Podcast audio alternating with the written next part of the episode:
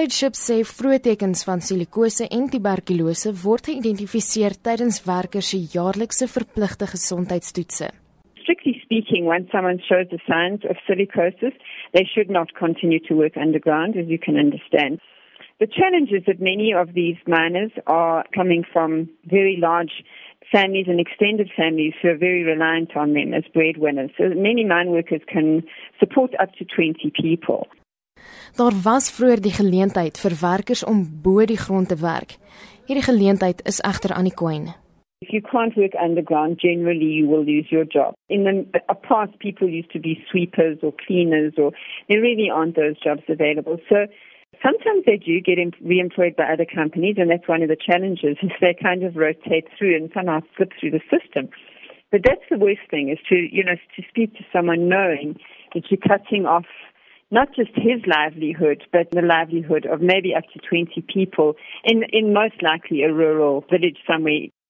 Die proses om kompensasievorms in te vul waarop mynwerkers met longkwale geregtig is, is egter omvattend en baie keer is diegene wat dit moet indien reeds te siek om terug te kom en die vorms in te dien.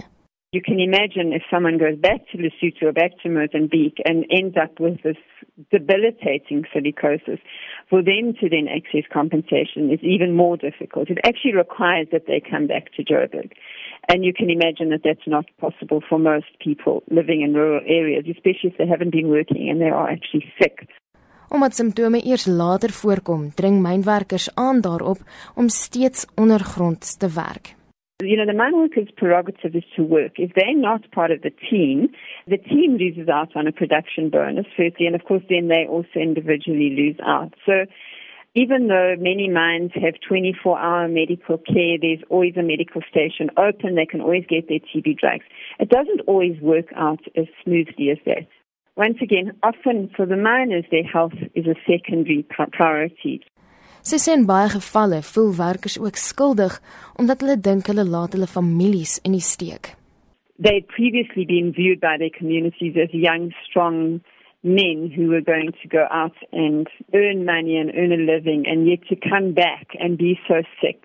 You know it, it's just devastating. And then often of course you know critically with TB and HIV silicosis are obviously not transmissible but both TB and HIV is the risk of transmitting to their families to their wives and then to the you know their children as well in terms of TB so you know, I think then the you know the health effects really start start kicking in, and then it's not just on that mine worker.